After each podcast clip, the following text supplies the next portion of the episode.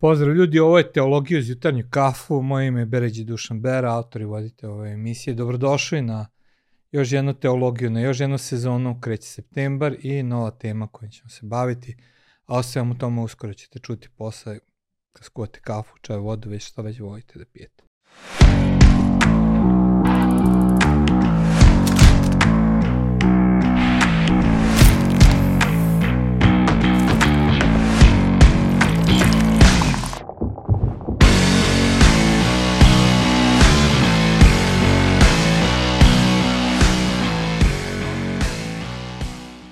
Teologija iz jutarnje kafu je emisija koja ima, ima za cilj da približi teme iz duhovnosti, crkve, hrišćanstva neko svakodnevnom kontekstu.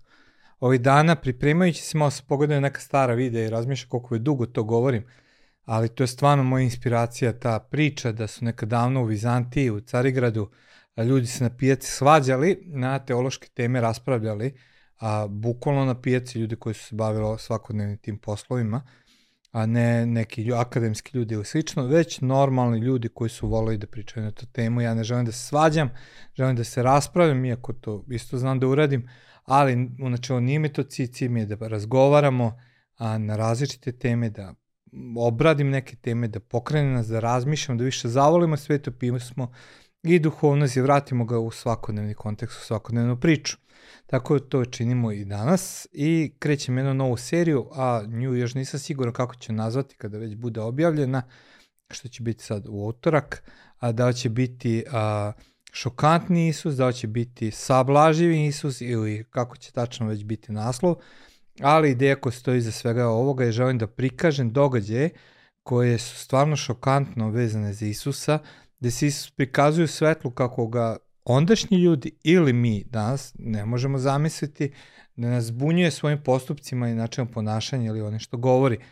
A, I prosto je činjenica da je Hristos došao na ovaj svet kao bomba, a Isus prema verovanju hrišćanske crkve a, nije, kako da kažem, Boži sin nije nastao onog momenta kada je začet utrobi device Marije, on je od uvek, on je naš Bog, on je stvorite svega, piše u Kološanima, da je kroz njega sve nastalo i da sve što postoji je nastalo zbog njega i kroz njega, tako da samo njegovo utelovljenje, to što je došao na ovaj svet, Bog koji je postao čovek, a, je već po, samo po sebi šokantna misao, ali ono što je Isus činio, kako je živeo, odluke koje je donosio, nas često zbunjuje. Tako da bavit ću se tim temama, neke stvari koje sam izabrao, a možda mi možete i napisati ovih dana, možda mogu da proširim tu temu, ako želite nešto da obradim što nisam obradio, što neću obraditi u ovoj seriji, možda mogu da dodam.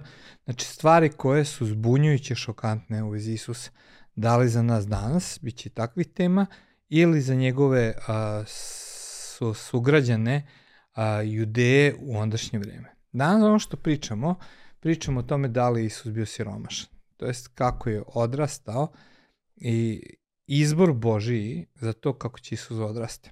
E sad, ovo mi je jako bitno da shvatimo, prema što krenemo cijelu priču, kada bi Isus bio običan čovek, a, koji je podložan uticajima okoline, koji je podložan prosto sticajima vremena, dešavanja i tako dalje. Kad bi on bio običan čovek, ova tema bi bila potpuno besmislena, zato što rodio bi se tamo gde se rodio i odrastao bi tamo gde je odrastao. Prosto on ne bi mogao da utiče na to. Međutim, on što, kako sam već spomenuo, Isus je Boži sin, on je uh, uvek postojao i uvek će postojati, utelovio se, postoji čovek Isus kroz devicu Mariju, ali to je bio sve deo Božijeg promisla, Božijeg plana, Znači, gde će se roditi, gde će odrasti, kako će odrasti, ko će postati. Znači, Bog je odabrao mesto gde će se roditi car careva.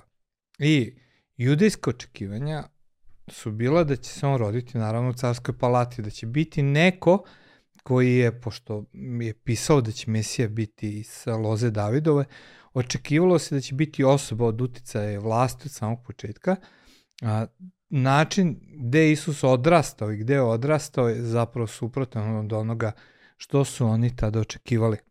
A gde je on odrastao? Znači, osim što je rođen u Vitlemu, što je neka oblast centralne judeje, posle toga njegova porodica, kada prestaje progonstvo od Iroda, seli se u oblast koja se zvala Galileja. Galileja se nalazi na oblasti u blizini Galilejskog ili Tiberijanskog mora, uz reku Jordan i predstavljala je a, predstavljao je sam nekako, kako da kažem, sever palestinske države ili judejske države. A jevreji su imali veoma interesantan odnos prema Galileji. A, s jedne strane on je bila interesantna za njih zato što je to bio plodan zemljoradnički kraj i logično je bilo da on taj kraj bude i naseljen. Međutim, ono što se dešavalo jeste zbog toga što su u krajevima Galileji i okolini živeli neznabožački narodi, znači oni koji nisu bili jevreji, a jevreji su Galileju smatrali na neki način nečistom. Tako u, u velikom ratu koji su vodili Makaveci, u oslobađanju od helenističkog uticaja neki 200 godina pre Hrista, a Makaveci prazne pale, a, tu, tu oblast Galileje i doseljuju judeje u Judeju, znači ostavljaju te krajeve ispražnjene od jevreja, smatrajući da jevreji koji žive u tim krajevima će biti onečišćeni od utice drugih naroda. Znači, a šta se dešava? Pošto se boje tog utice drugih naroda, da će drugi narodi uticati na jevreje da prihvate neke druge religije, makaveci, e, boreći se za čistotu vere i za čistotu jevreja, iseljavaju sve jevreje iz Galileje, a, u Judeju.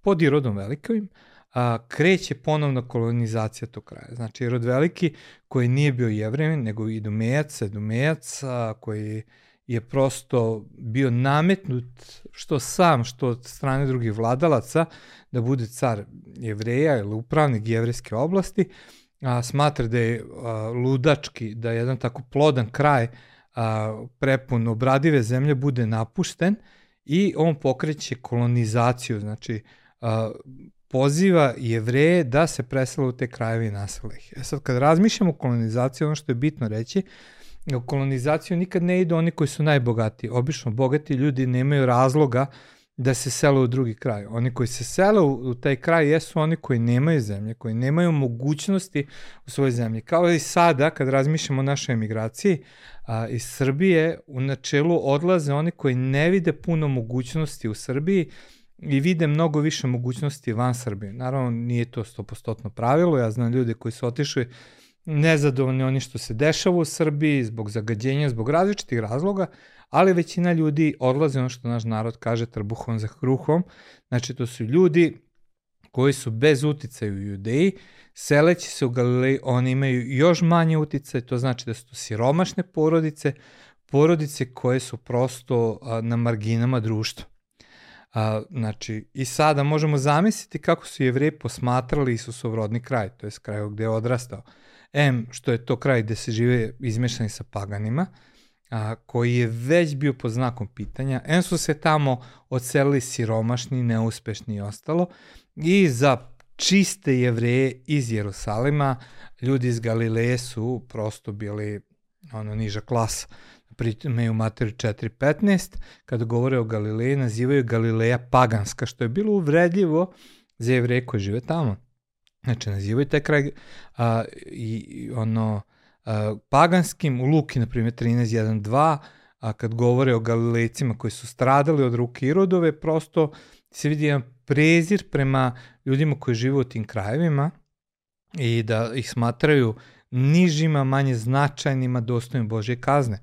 U Jovanu 7.52, duše vezano za Hrista, ali i opšte za, za, za Galilejce, kaže da prorok ne dolazi iz Galileje. Znači, prosto u očima ondašnjeg naroda Galileja je bila mesto odakle nisi očekivao ikakvu duhovnost, išta što može doneti doprinos nekom duhovnom preporodu naroda. E sad, gde je Isus živao? Znači, živao u Galileji, živao u kraju koji je bio posmatran kao sekundaran, kao manje vredan, kao manje bitan, kao nedostojan i tako dalje, a onda se njegova porodica seli u mesto koje se zove Nazaret, što je još gore. Jer Nazaret je bilo beznačajno mesto u brdima Galileje.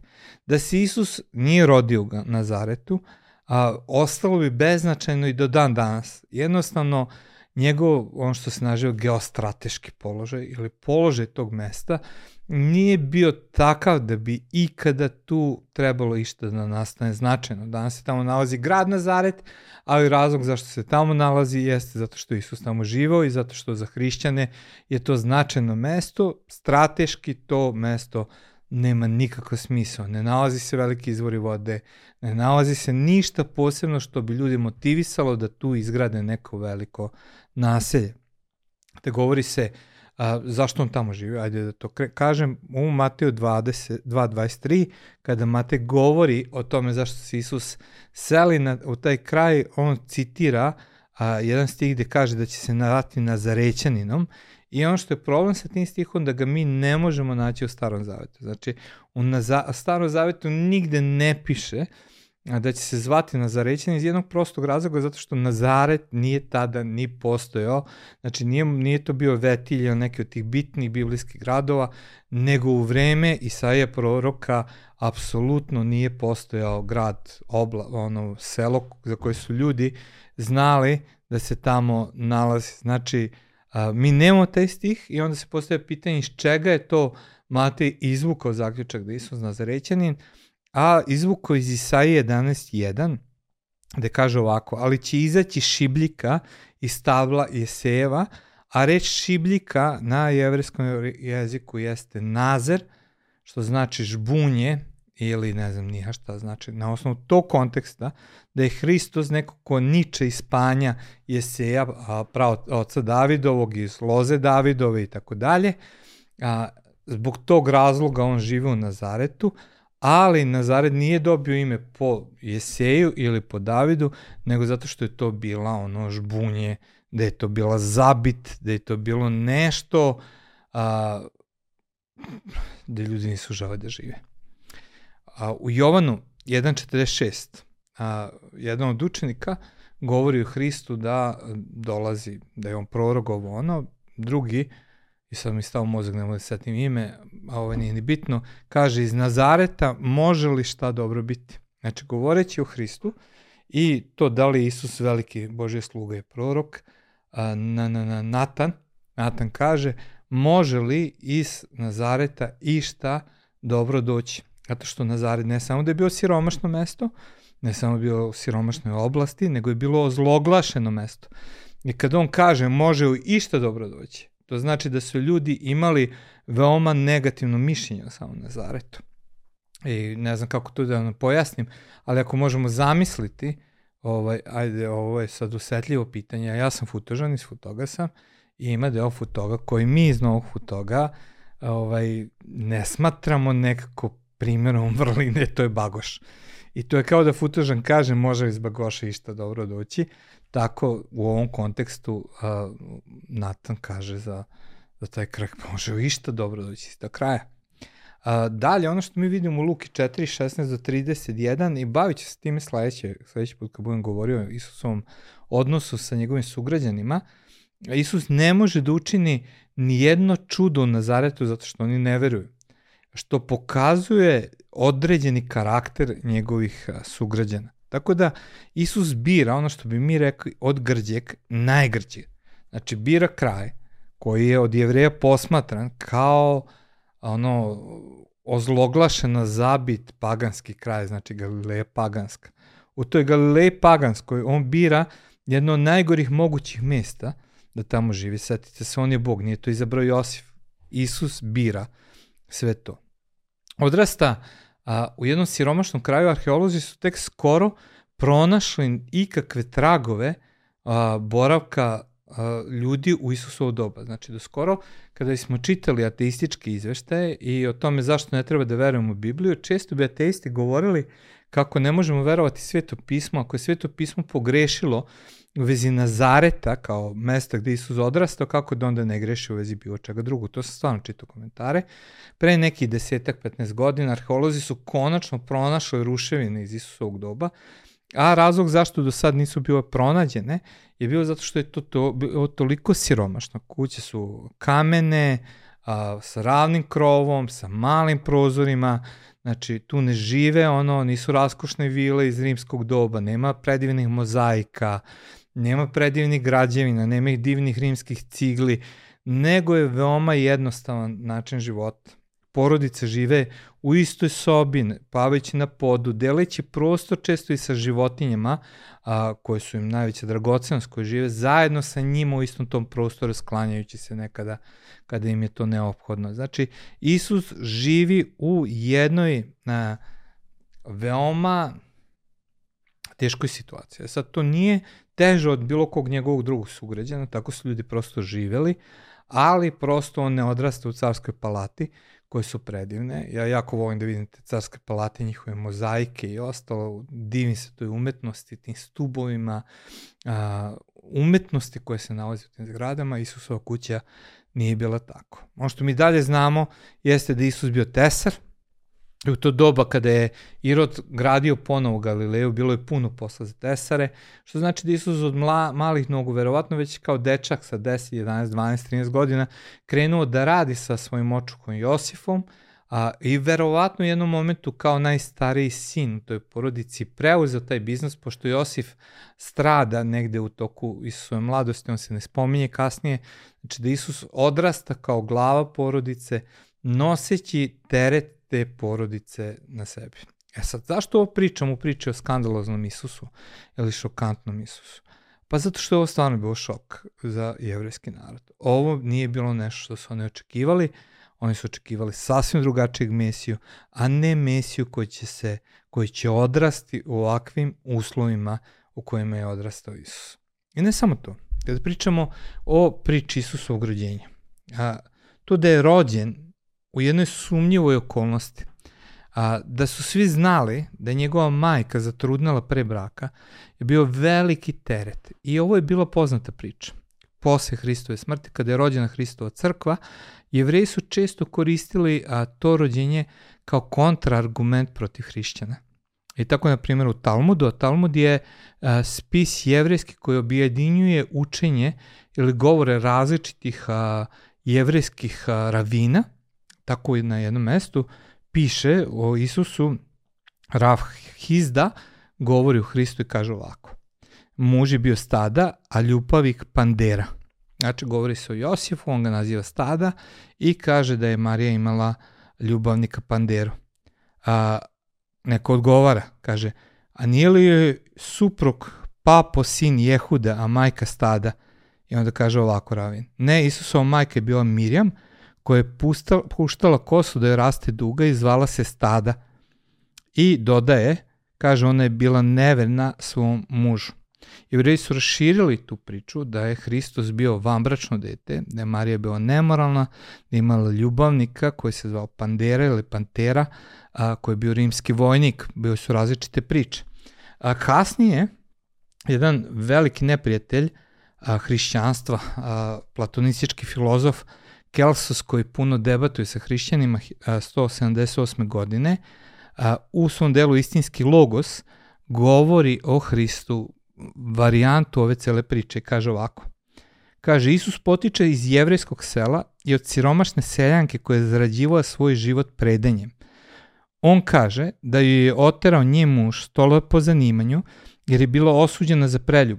Dalje kaže da je onako što je otrao nje muž, dok je luktala okolo sramoćena, tajno je rodila Isusa.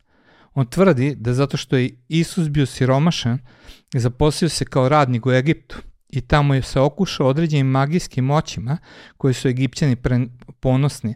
Vratio se obražen zbog tih moći i na osnovu njih sebi dodeluje znanje Boga.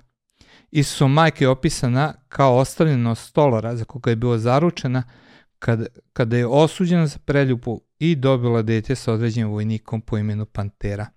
Znači, još jedna skandal vezan za Hristovu jeste ta priča o Hristovom rođenju i ostalo. Znači, kad gledamo Isus, ono što mi vidimo, da a, ništa u vezi njegove prošlosti, ništa u vezi njegovog odrastanja nije bilo plus za nekoga a, ko je trebao da izvrši reformu jevrijske vere i da donese nove ideje i da prosto pokrene jevrije određenom pravcu. Sve vezano za Isusa je bilo zapravo suprotno toga. Međutim, zašto je bilo tako? Zašto je odrastao na taj način na koji je odrastao? Zašto je prošao kroz sve to. Kaže u Filipljanima 2.4.11 govori i Hristu od čega se sve odrekao i tamo koristi reč da se on oplenio od onoga što je bio. Postao je kao jedan od nas. Uzeo je naše obliče, postao je čovek i prošao kroz sve, kako kaže u Filipljanima 2, 4 do 11, a i u Jevrejima, prošao kroz sve i svako iskušenje kroz koje mi prolazimo. On je bio iskušan i razume nas u našim borbama. Interesantna je stvar koju Isus često govori, a koji se vidi kasnije u istoriji rane crkve, da u kulturi koja je odbacivala siromašne, smatrala da su siromašni krivi za njihovo stanje, jesu brinuli su se donakle za njih, ali su ih odbacivali i smatrali manje dostojnim, kažnjenim od Boga. Isus odrasta u svemu tome i pokreće crkvu koja se brine za siromašne, koja je revolucija a, za ovaj naš svet. A, skoro sam ču, slušao jedno predavanje od a, hrvatskog istoričara a, Marina ok, sad smo zaboravili prezim, nije ni bitno, ovaj, jako interesantan istoričar, Marino je sigurno, u svakom slučaju on govori o jednoj radikalnoj promeni koje su hrišćani uneli, brinući se za siromašne i za odbačene. Da je to bio ključ za širenje hrišćanstva u ondašnjem dobu. Zašto? Zato što je naš gospod, skandalozni Hristos, odlučio da dođe na ovaj svet na način na koji je došao, ne zato što je bogatstvo pogrešno, nego zato što je do svakoga trebao doći ta poruka evanđelja, ne samo do onih koji su rođeni u privilegija, nego do svako ljudsko biće. Ovo je bila teologija iz jutarnje kafu i vidimo sledeće nedelje.